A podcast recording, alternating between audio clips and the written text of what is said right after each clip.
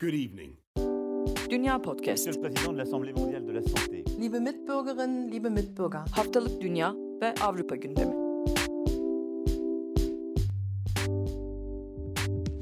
Herkese merhaba, ben Seda Karatabanoğlu. Akın Art ve Nida Dinçtürk'le haftalık Dünya ve Avrupa gündemini yorumladığımız Dünya Podcast'a hoş geldiniz. Bugün 20 Temmuz Pazartesi de bıraktığımız haftanın gündemini sizlere aktaracağız. İngiltere gündemiyle başlayalım. Nida ne dersin? Olur başlayalım. Ee, aslında İngiltere'de gündem çok değişmiyor. Artık dinleyiciler bana çürük domates atmaya başlayacaklar. İngiltere'nin heyecansız gündemi yüzünden. Ama benim suçum değil gerçekten. Maalesef. Ben, Ben, de Fransa ile sıkıldım. dengelemeyi düşünüyorum. Yine dolu dolu bir gündemle aranızdayım çünkü. Beklerim. Valla İngiltere'nin e, koronavirüs gündeminden biraz ben de sıkılmaya başladım ne yalan söyleyeyim. E, burada gündem değişmiyor. Koronavirüsten şaşmıyor. Çünkü aslında dünya geneline göre oldukça geriden geliyoruz. E, herkesin de dışarıdan bunu net bir şekilde görebildiğini düşünüyorum. Geride kalan haftada e, en dikkat çekici açıklamalardan birisi artık 24 Temmuz'dan itibaren yani e, bu hafta Perşembe gününden itibaren alışveriş yapan e, müşterilerin de maske takması zorunlu hale geldi. Önceki hafta da Ekonomi Bakanı Ağustos ayından itibaren çeşitli restoranlarda ve e, barlarda müşterilerin hesaplarının yarısının devlet tarafından karşılanacağını söylemişti. Peşinden gelen bu maske takma zorunluluğu da aslında ekonomiyi canlandırmaya yönelik bir hamle. İngiltere 15 Haziran itibariyle toplu taşımada da maskeyi zorunlu tutmuştu. Aslında e, sürü bağışıklığının ardından yaptıkları açıklamalarla böyle o kadar bu işte kişisel alanlar, kişisel hak ve özgürlükleri taciz etmeyeceğiz ifadelerini kullanıyorlardı ki ben bir noktada gerçekten hiç maske takmadan bu salgını atlatmaya çalışacağını e, düşünmüştüm bu ülkenin. Gel gelelim öyle olmadı e, bu ekonomik kaygıların yanı sıra bir de ölü sayısı 45 bini aştı geçtiğimiz hafta İngiltere'de. Aslında salgının ilk başlarında bilim kurulu eğer ölü sayısı 20 binde kalırsa 20 bini aşmazsak biz salgını başarılı atlattık diyeceğiz demişti ikiye katladılar. Katladıkları gibi daha da artmaya devam ediyor. Yani bu son bilançoyla beraber İngiltere vaka sayısında dünyada 9, ölü sayısında da 3. sırada. Bir numarada hala Amerika var. İkideydi bir ara İngiltere. Şimdi onun yerini Brezilya aldı. Ee, yine geçtiğimiz hafta bu gündemle ilgili e, yapılan açıklamalardan bir tanesi de Boris Johnson'ın e, artık Noel'de normale dönmeyi e, ümit ettiğine dair bir açıklamaydı. Artık bu tür e, açıklamalar burada tepkiyle karşılanıyor. Çünkü aslında artık samimi bulunmuyor. Yani çünkü bu normalleşme adımlarının, e, normalleşme açıklamalarının yanında halen daha yeni önlemler alınmaya devam ettiği müddetçe insanlar biraz böyle neye inanacaklarını şaşırıyorlar ve doğal olarak çelişkili buluyorlar. E, nitekim The Guardian'da Marina Hyde bir e, yazı yazdı. Boris Johnson'ın Noel, Noel'de normale dönme ümidiyle alakalı açıklamasına karşın. O da bunu bir performans olarak değerlendiriyor ve Johnson'ın performansının güven verici olmadığını e, ifade ediyor. Bir de e, enteresan bir benzeşme yakalamış Hyde. Aslında bu e, Noel'de normalleşme ümidinin e, Birinci Dünya Savaşı için kullanılan bir argümanı çok çağrıştırdığını e, anımsatıyor. Çünkü Birinci Dünya Savaşı için de savaşı Noel bitirecek söylemi e, çok yaygındı ve bu çok kullanılıyordu. Aslına bakarsak ben geride kalan e, süre boyunca İngiltere'nin salgınla mücadele etme yöntemini de birazcık yine bu e, Dünya Savaşı refleksinde kullandıkları söylemlere benzetiyordum. Yani insanları telaşa kapılmadan yönetmeye çalıştıkları ve zaman zaman önlem almayı onların inisiyatifine bıraktıkları bir durum e, söz konusuydu. Zaten aslında işlerin e, karışmasına da biraz bu neden oldu. Hyde yazısında aslında e, hükümetin, hükümetle bilim kurulu e, arasındaki çelişkilere de dikkat çekiyor. E, çünkü Patrick Vallance ki buradaki e, salgınla mücadeleyi yönlendiren bilim kurulunun başındaki kişi e, hala çok tedbirli ve halen daha çalışanların ofise dönmemesi gerektiğini söylüyor. Hatta Marina Hyde Patrick Valance'ı Patrick Herd Immunity Valance olarak anıyor. Çünkü e, sürü bağışıklığı Patrick Valance'ın başının altından çıkmıştı aslında. Bununla beraber Rishi Sunak e, yani ekonomi bakanı her şey normalleşecekmiş gibi işte restoranları açıyor, insanları dışarıya çıkmaya teşvik etmek için e, maske kullanımını zorunlu hale getiriyor. İşte Boris Johnson Noel'de normale dönmeyi ümit ediyoruz diyor ama diğer taraftan Patrick Valance e, aslında her şey için erken diyor. Bu da e, e, salgınla mücadeledeki bir başka büyük çelişki ve aslında başından beri bu tip çelişkiler vardı. E, benim İngiltere'de salgınla mücadelede unutmayacağım en trajik örnek şuydu. Pazartesi günü, bir pazartesi günü Mart ayında tam tarihini hatırlamıyorum. İşte lockdown ilan edildi. E, peşinden Sağlık Bakanı çıktı e, şey dedi. Yine de e, ekonominin devamlılığı için e, işe gidebilenler işe gitmeye devam etsin dediler ve ertesi gün Sağlık Bakanı'nın koronavirüs pozitif olduğu e, ortaya çıktı. E, yani hani çok karmaşık ve aslında böyle bazı kişilerin de üstüne olma, vazife olmayan açıklamalar yaptığı bir kargaşa içinde e, sürüp gidiyor İngiltere'nin e, koronavirüsle mücadelesi. Bu yüzden geride kalan haftada da ekonomiyle bağlantılı e, olduğu için artık koronavirüs İngiltere'de birebir aynı damardan akıyor yani. Gündemimiz gene buydu. E, bu haftanın gündeminde bunun haricinde e, bir, bir biraz daha eğlenceli, biraz daha soft diyebileceğim bir yandan da tabii ki tatsız olabilecek e, haberler var ama bunları programın ilerleyen dakikalarında e, aktarmayı tercih ederim. Belki Akın'ın Almanya'dan aktarabileceği daha ciddi gündem vardır diye. Daha ciddi gündemler var. Daha keyifli gündemler yok maalesef Almanya'dan aktarabileceğim. Benim dış haberlerde keyif arayışım ne peki? Yani geçen hafta sizin önüyle de programı böyle kapattım. bir şeyleri yanlış anlıyor olabilirim. E deniyoruz da böyle içeriklerde bulmayı ama kolay olmuyor çok fazla tahmin edilebilir bir gündemine seçtim Almanya'nın geçen hafta. Yani çok fazla gündem var arka arkaya koyduğumuzda ama en çok öne çıkan ve en çok tartışılan gündem bu oldu. Bu seçtiğim başlık oldu. Şimdi iki hafta önce Alman ordusu içerisindeki ırkçılık tartışmalarından bahsetmiştik.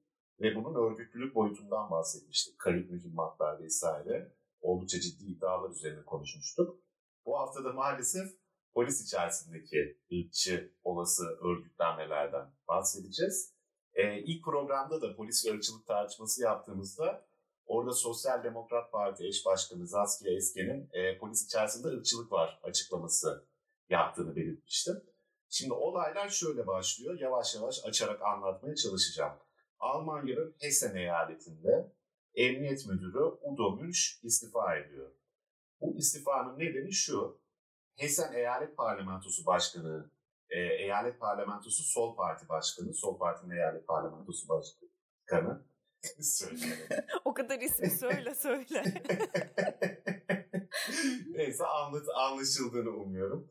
Yanin Visla ve Jilet Ayşe olarak da bilinen komedyen İdil Baydar birer tehdit mektubu maili alıyorlar. Ve bu mailin altında NSU 2.0 imzası var. Şimdi NSU ismi bir kısmımız için hiçbir şey ifade etmeyebilir doğal olarak. Fakat Almanya'da yaşayanlar için son derece kan dondurucu bir e, gönderme. E, Nasyonel Sosyalist Yeraltı diye Türkçe çevirebileceğimiz illegal silahlı bir Nazi grubu. Bunlar daha öncesinde bir takım seri ırkçı cinayetler işlemişlerdi ve Almanya'yı yıllarca damgasını vurdu bu cinayetler. Bunun üzerine çok fazla film, belgesel vesaire de çekildi. Netflix'te falan bol bol bulabilir merak edenler olursa. Dediğim gibi bu imzaya sahip bir tehdit mesajı gönderiliyor bu isimlere. Göçmen kökenli. Oradaki 02 neyi ifade ee, örgüt ama. çok büyük bir örgüt değildi ve tutuklandı önder Hı. kadroları ve bu cinayetleri işleyen kadrolar. Yeni nesil yeni gibi. Nesil evet. Aynen öyle. Üyeler. Aynen öyle. Yani bir reloaded mesajı var bir. O da son derece korkutucu. Şimdi emniyet müdürlüğüyle bunun ne alakası var sorusuna gelecek olursam bu kişilerin iletişim bilgilerinin Hessen eyaletinde yer alan bir şehrin e, polis merkezlerinden birinden alındığı ortaya çıkıyor. Yani birileri polis bilgisayarlarından bu kişilerin iletişim bilgilerini alıyor ve bu isimlere tehdit mesajları gönderiyor. Yani bu da demek ki bu emniyet teşkilatları içerisinde çok büyük ihtimalle aşırı sağcılarla organik bağlara sahip, sempati düzeyini aşmış bir takım isimler var. Şimdi Eyalet İçişleri Bakanı Peta Boyd bundan haftalar sonra bu olay gerçekleştikten haberdar oluyor. Kendi söylediğine göre 8 Temmuz çarşamba günü ve şok oluyor tabii böyle bir e, olayla karşılaşmış olmaktan. E, Emniyet Müdürünü de suçlar, ifadeler kullanıyor. Emniyet Müdürü istifa ettiğinde de istifasını kabul ediyor. Alman siyasetinde bunun çok fazla e, yansıması oldu. Çok fazla tepki geldi buna. Sol partiden yapılan açıklamada Emniyet Müdürü'nün gitmesinin yetmeyeceği, İçişleri Bakanı'nın da, eğer İçişleri Bakanı'nın da sorumluluğu üzerine alması gerektiğini söylemiş. E, Hermann Schaus yapmış bu açıklamayı Sol Parti'den. Hessen Eyaleti İç Politika Sözcüsü. Alman siyasi partilerinde böyle bizim çok aşina olmadığımız temsiliyetler var arada. İşte iç politika sözcüsü, savunma politikaları sözcüsü vesaire gibi. Sosyal Demokrat Parti'de de eş genel başkan Zaskia Esken daha önce de dediğim gibi e, bu olaydan önce zaten polis içerisindeki ırkçılığa değinen açıklamalar yapmıştı. Siyasetin alarm halinde olması gerektiğini ve meseleyi ciddiye alması gerektiğini söylemiş. Kolu kuvvetleri içinde son birkaç aydır aşırı sağcı ve şiddet yanlısı saldırganların ve şebekelerin sinyallerinin geldiğini, bunun ciddiye alınması gerektiğini belirtmiş. Şimdi tehditler bununla da bitmiyor. Berlin'e de sıçramış. Berlin'de yine sol parti Berlin parlamentosu, Berlin eyalet parlamentosu milletvekili Helin Evrim Zoma ve e, Amira Muhammed Ali ve Dimitra Bartiş tehdit mailleri alıyor.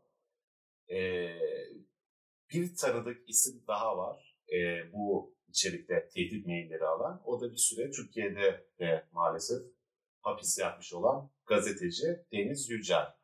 O da bugün basına yansıdı. Benzer bir tehdit maili aldı.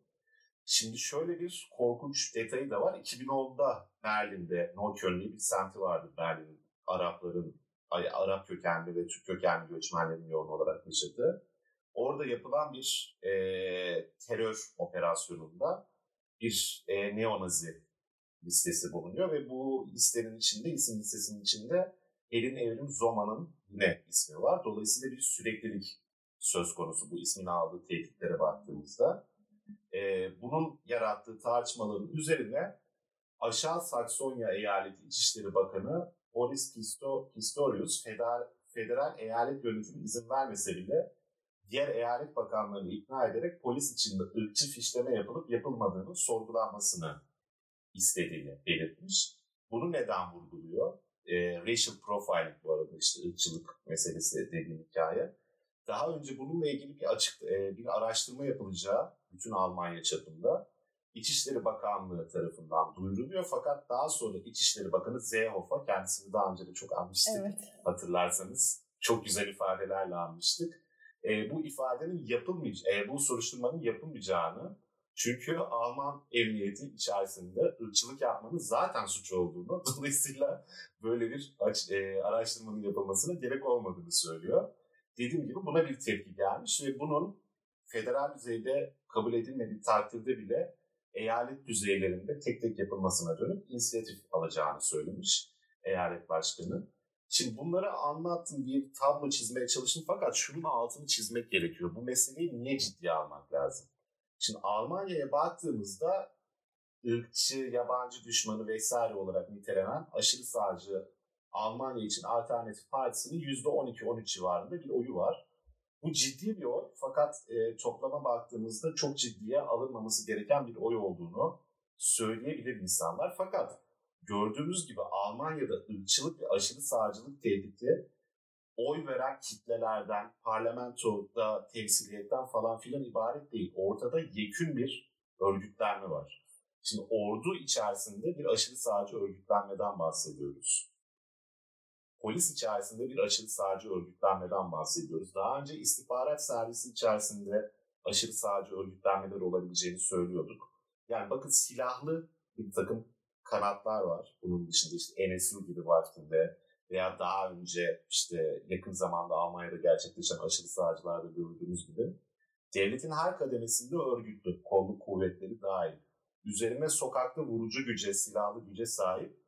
Üzerine parlamentoda temsiliyete sahip ve buradan meşruiyet üretmeye çalışan bir aşırı sağcı toplamdan bahsediyoruz. Bu demek değil ki bu toplamların tamamının birbiriyle örgütsel bağı var vesaire. Bu bizim bilebileceğimiz bir şey değil.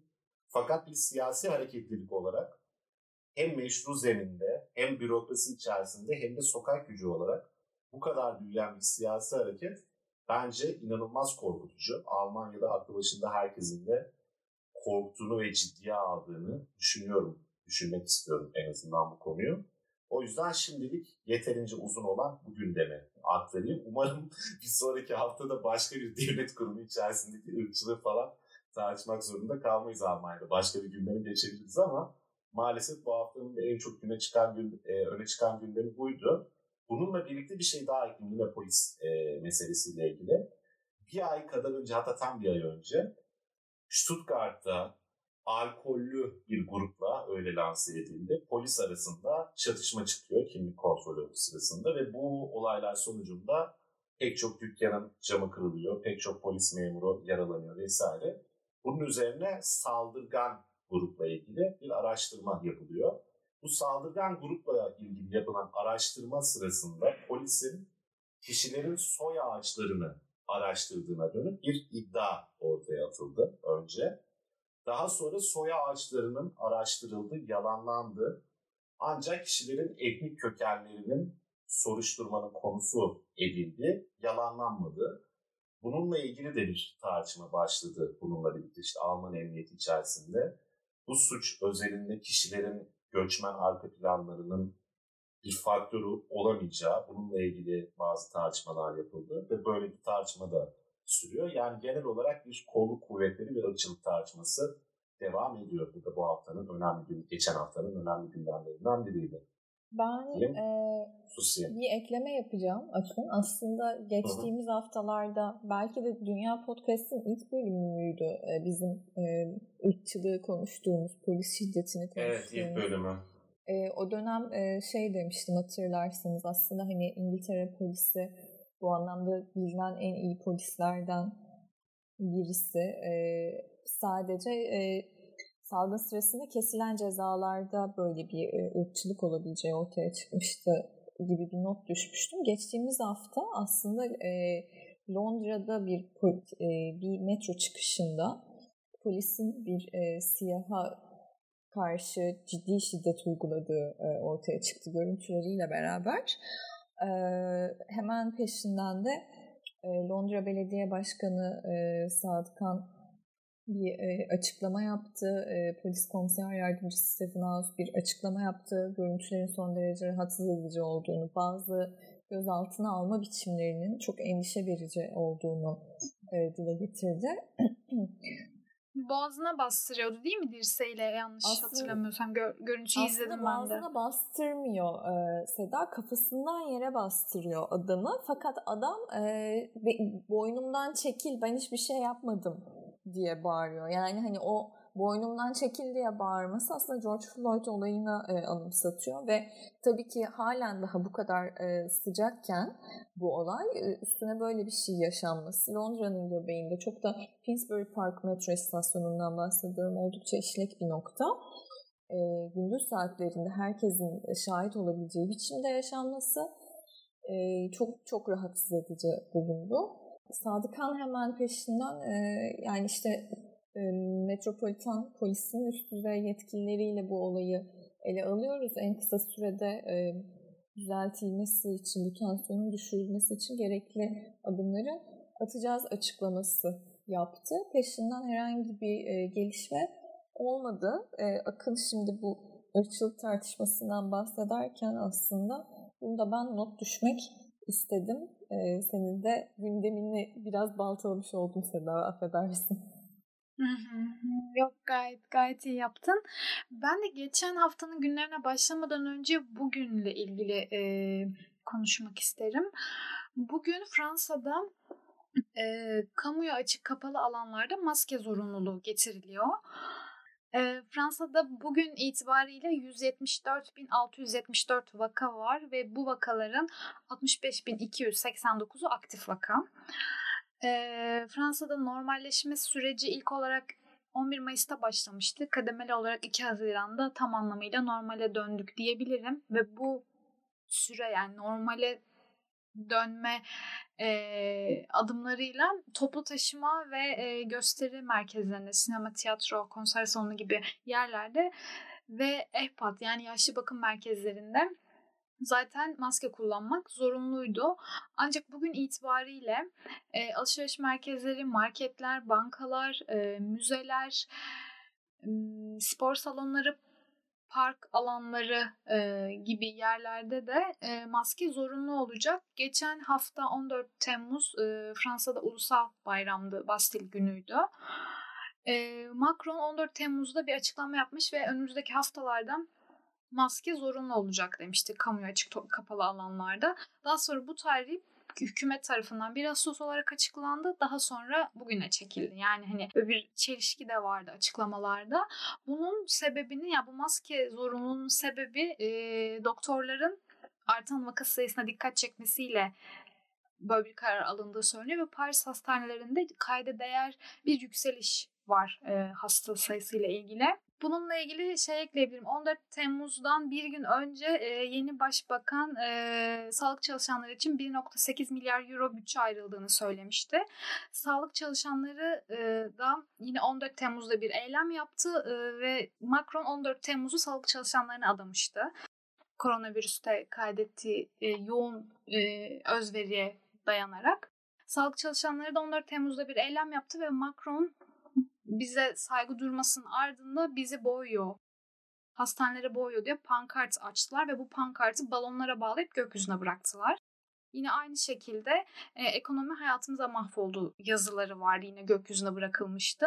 Aynı gün sağlık çalışanlarına, sağlık çalışanları bir eylem yaptı ve polis şiddetiyle karşılaştılar. Daha önce de sağlık çalışanlarının eylemi polis şiddetiyle karşılaşmıştı. O yüzden sağlık çalışanları biz prim istemiyoruz. Sağlık çalışma koşullarımızın iyileştirilmesini istiyoruz. E, maaş zammı istiyoruz ve yeni pozisyonlar açılmasını istiyoruz talebiyle e, eylemlerini gerçekleştiriyorlardı sürekli. Ve 2018 sonbaharında yani bütün dinleyicilerimizin az çok hakim olduğu şekilde sarı yelekli eylemlerinden bu yana Fransa'da polis şiddeti çok görünür bir şekilde artıyor ve polis şiddetine maruz bırakılan eylemciler maddi ve tıbbi açıdan yalnız bırakılıyor. Ki şöyle sigorta şirketleri e, sigortalı zararları karşılamaktan kaçınıyorlar. Hatta 2018'in sonbaharından itibaren yaralı e, eylemcilerin, yaralı göstericilerin tedavileri için yani maddi manevi tedavileri için internette sürekli fon oluşturuluyor, yardım fonları oluşturuluyor. Bunun dışında yine Ayasofya ile ilgili bir gündem söyleyebilirim. Aslı Erdoğan, yazar Aslı Erdoğan ve Ece Temel kuran Le Monde'da Ayasofya temalı iki yazı yazdı. Aslardan geçen hafta yazmıştı. Ece Temel Kur'an bu hafta yazdı. Aslı Erdoğan geçen haftaki yazısında yani Ayasofya'nın cami olması ile ilgili Türkiye'nin hala layık bir ülke olduğuna inananlar için e, büyük bir tokat açıklaması yapıyor. Yani böyle bir başlık atıyor yazısına. Ve daha sonrasında e, Türklerin ekonomik krizden uzaklaşması için siyasi bir manevra olarak adlandırıyor Ayasofya kararını. Ve şöyle bir cümle kuruyor. E, özellikle e, Kemalizmin Fransa'yı örnek alarak getirdiği layık sistem Ayasofya kararıyla ortadan kalktı ve bu e, laik sistem Müslüman dünyası neredeyse tekti diyor. Ve devamında Erdoğan'ın sürekli fetih kelimesini kullanmasının kendisini Osmanlı sultanlarının devamı olarak e, algıladığını ve aksettiğini söylüyor. Aynı şekilde Ece Temel Kur'an'ın bu hafta yayınlanan yazısında e, Ece Temel Kur'an Ayasofya'nın 24 Temmuz'da ibadete açılacağını hatırlatıyor ve 24 Temmuz'un aslında modern Türkiye'nin kuruluşu 1923'te imzaladığımız Lozan Anlaşması'nın yıl dönümü olduğuna dikkat çekiyor. E, bunun manidar olduğunu söylüyor ve e, Lozan'ın e, Lozan'da alınan kararlarla kurulan modern Türkiye sonucu 1934'te Ayasofya camiden müzeye çevrilmişti. Şimdi bununla bir hesaplaşma var. E, minvalinde bir yazı yazıyor Ece Temel Kur'an. Ben şimdilik bir es vereyim. Ee, yine bir bu kadar gündemim var çünkü. Ben de çok kısa bir e, ekleme yapayım o zaman. Ayasofya gündemi geçen hafta bahsetmiştik. Daha çok haftalık yayınlarda işleniyor. Makale düzeyinde böyle şeyler diye. E, bu hafta konuşuruz demiştik o yüzden. E, site'da, D-Site gazetesinde ben e, bir yazıya rastladım. E, ilk sayfasında gazetenin Özlem Topçu imzalı bir yazı var. E, ve bu yazıda da aslında öbür e, yani Fransa'daki yazılara paralel bir perspektifin oluştuğunu görüyoruz. Bu şu anlamda bize bir e, fikir verebilir. Avrupa'nın nasıl gördüğüne dair genel olarak bir fikir verebilir. E, bu hamlenin inanan e, Türkiye'liler için iyi, pozitif sayılabilecek bir hamle olarak görüldüğünü söylemiş özetle. Yani daha doğrusu şunu söylemiş. Türklerin çoğunluğu, Türkiye'de yaşayanların çoğunluğu Ayasofya'nın camiye dönüştürülmesine karşı değiller. Bunu olumlu buluyorlar. Fakat e, bir kilo soğanın e, kaç para olduğunu şu an bundan daha çok önemsiyorlar. Gibi bir e, odağı var yazının ve ekonomik gündemin üzerine örtmeye çalışan bir gündem olarak değerlendirmiş daha çok yazıyı. Senin bahsettiğin yazılarda da Seda sanırım aşağı yukarı benzer bir hani tarihsel arka plan dışında güncel sebebi olarak bu gösteriyor sanırım. Bununla birlikte kültür sanat sayfasında bir yazı verilmiş. Bir de çeşitli toplamların görüşlerine, çeşitli toplamları temsil ettiğine inanılan kişilerin görüşlerine yer verilmiş. İşte Ermeni cemaati adına biri konuşmuş, işte Almanya'da yaşayan Kürt topluluğu adına biri konuşmuş vesaire. Hepsi de Ayasofya'nın ibadethaneye dönüştürülmesinin ortak kültür ve insanlık mirası açısından hayırlı bir iş olmadığını söyleyen açıklamalar yapmışlar. Ee, benim gördüğüm bu şekildeydi büyük oranda Ayasofya ile ilgili. Yani şeyin altı çiziliyor. Bunun ekonominin kötü giden ve daha kötüye gidecek olan muhtemelen ekonominin üzerine örtmek için bir araç olarak kullanıldığı bahsediliyor. Bir de insanlık mirası için olumsuz bir adım olarak değerlendirmişler daha çok. İngiltere'de var mı? Yoksa çok umursamamışlar mı Ayasofya'yı? Valla umursamıyorlar ya Akın inanılmaz ama yani tırım tırım e, Ayasofya ile ilgili analiz yazısı baktım bu hafta. Yani gerçekten sadece e, haber geçiyorlar ve işte e, geçtiğimiz hafta yaptığımız Ayasofya bölümünde e, değindiğimin haricinde bir e, yazı e, ya da işte çarpıcı başka bir başlık vesaire yok. Yani bu anlamda da en çarpıcı başlığı Times atmıştı ki aslında yani ben e, Ayasofya konuştuğumuz bölümde İngiltere'nin belki de e, Türkiye ile öngördüğü kuvvetli ekonomik ilişkiler nedeniyle buna ses çıkartmıyor olabileceğini not etmiştim. Ama diğer taraftan Times aslında e, hükümete en yakın duran e, yayınlardan birisi ki o da haberi verirken e, bu hamlenin Atatürk'ün e, oluşturmaya çalıştığı laik portreyi e, doğrudan hedef alan bir hamle olduğunu söylüyordu.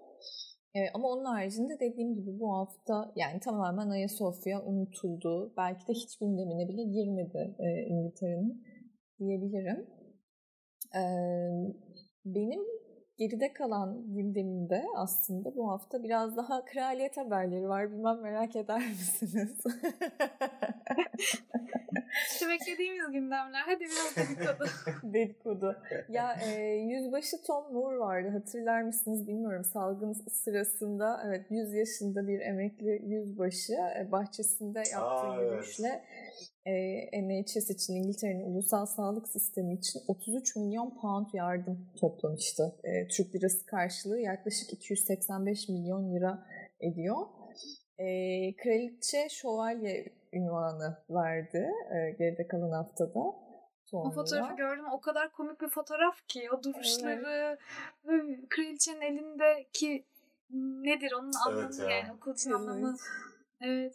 Çok komik bir fotoğraftı. Müsamere gibi. Evet evet gerçekten öyle. Komik bir başka fotoğraf da şuydu. Gene içinde kraliçenin bulunduğu ve geçen haftaya ait Prenses Beatrice evlendi kraliçenin torunlarından. E, Prens Andrew'un büyük kızı. Şimdi kraliyet soy ağacını dökmeye kalkarsak Prens Andrew da Charles'ın bir küçük kardeşi. Bizim hiç ortalıkta görmediğimiz kraliyet üyelerinden birisi e, aslında. E, normalde 29 Mayıs'ta gerçekleşecek bir törendi bu fakat koronavirüs nedeniyle e, ertelenmişti. Hafta sonu Windsor Sarayı'nda yapıldı e, tören. Bir e, İtalyan emlak zengini diyorlar ama yani adam aslında Londra'da büyük bir emlak girişimcisi. E, Edoardo Mapalli Mozzi adı. Bu evlilik şu yönüyle tartışılmıştı. Aslında yani biliyorsunuz kraliyet ailesi içinde artık boşanma e, ya da işte ikinci kez evliliğini yapacak birisiyle evlenme bir skandal olmaktan çıkmıştı. Fakat ilk kez ilk evliliğinden çocuğu olan birisiyle e, bir kraliyet aile üyesinin evlenmesi söz konusuydu. Bu yönüyle tartışılıyordu. Neyse ki sonra salgın girdi hayatımıza ve daha gerçekçi gündemler tartışılmaya başlandı muhteşem gündemleri var ya gerçekten kraliyet ailesi. Sorma. Siyahi Sorma. aslında Yani- biriyle evlenilebilir mi? Çocuğu olan biriyle evlenilebilir mi gibi. Ya Bayağı bunun için ayrı uygun. dergileri var burada yani. O yüzden diyecek bir şey bulamıyorum. Bu, bu törende çekilen fotoğrafta e, sosyal mesafe kurallarına uyulduğu için yani aslında böyle fotoğrafın bir köşesinde e, kraliçe ve Philip, diğer köşesinde Prenses Beatrice ve eşi. Bu arada Prenses Beatrice kraliçenin 1947'de giydiği gelinliğini giydi e, bu törende. Böyle bununla da alkış topladı falan. Biz böyle şeyleri konuşuyoruz bu arada çünkü kraliyet. Yani bu aslında bu haftaya dair verebileceğim tek tatlı haber diyebilirim. Ee, Banksy tekrar ortaya çıktı. Londra metrosunda. Ee, Instagram hesabından yayınladığı bir videoda e, Circle Line'da insanları e, maske takmaya teşvik eden çizimlerini e, görüyoruz ve e, temizlikçi kılığına girmiş bir kişinin de aslında şey çeşitli sloganlar yazdığını vesaire görüyoruz. Tabii insanlar ilk etapta bu kişinin Banksy olabileceğini düşünüp heyecanlandılar fakat yüzündeki koruyucu gözlüğe ve maskeye rağmen o kişinin Banksy olmasına pek ihtimal verilmiyor. Çünkü hiçbir şekilde yani kim olduğu tahmin edilebilecek şekilde insanların içine karışmadığını biliyoruz. E, bu çalışmaya da If You Don't Mask, You Don't Get e, ismini veriyor e, Banksy. Yani eğer maske takmazsanız siz kaybedersiniz gibi çevirebiliriz Türkçe'ye. Benim değinmek istediğim son gündem aslında e, İngiltere'nin büyük e, basın kuleleri, e, kaleleri e, olan BBC ve The Guardian'daki büyük işten çıkarmalar e, olacak. Çünkü BBC tasarruf tedbirleri kapsamında 520 kişiyi işten çıkarmayı planladığını açıkladı e, geride kalan haftada. The Guardian ise 180 kişinin işine e, son verecek. E, normalde bu yılın başında BBC 450 kişi işten çıkaracağını açıklamıştı. Hatta e, 2019'un Aralık ayında Boris Johnson hükümetinin e, seçimi kazanmasının ardından aslında e, Londra'daki Gazeteciler Sendikası'nın Ocak ayında gönderdiği bültende BBC'nin bu e, değişiklikten çok kötü bir şekilde etkilenebileceğine dair endişeler dile getirilmişti. Ve e, zaten 450 kişinin işten çıkartılması da o dönemde gündemdeydi. Sonra salgın nedeniyle bu süreç askıya alındı ve aslında misliyle gündeme geri döndü e, diyebiliriz. 70 kişi daha eklenmiş oldu. Akın bunu e, yayından önce konuşurken ya bunlar kamu kuruluşu değil mi ne tasarrufu kardeşim gibi çok haklı bir soru sordu. Aslında 2016 yılında 800 milyon sterlin tasarruf hedefi duyurmuş e, BBC. Bugüne kadar da 20 milyonluk kesinti yapmışlar. E, bu tasarruf paketinin bir parçası olarak gündeme gelmişti. Çünkü aslında Boris Johnson'ın seçimlerdeki vaatlerinden birisi yani ekonomik tedbirlerde zaten aslında sağlık sistemiyle ilgili planları da çok tartışmalıydı. Bu anlamda çok büyük bir e, yük olduğuna dair Brexit'in altını da benzer argümanlarla dolduruyordu. E, o yüzden BBC bile evet tasarrufa gitmek zorunda gidecek e, söylemi zaten yerleşmişti. E, bu işten çıkarmalarla beraber zaten e, bazı programlara e, son verildiğini, e, verileceğini de duyurdu BBC. Bazı sosyal medya hesaplarının kapatılacağını e, haliyle o kanallar için istihdam edilen kişilerin de sistemden çıkartılacağını açıklamış oldu. Tabii ki e, basın dünyası adına oldukça iç karartıcı bir haber bu.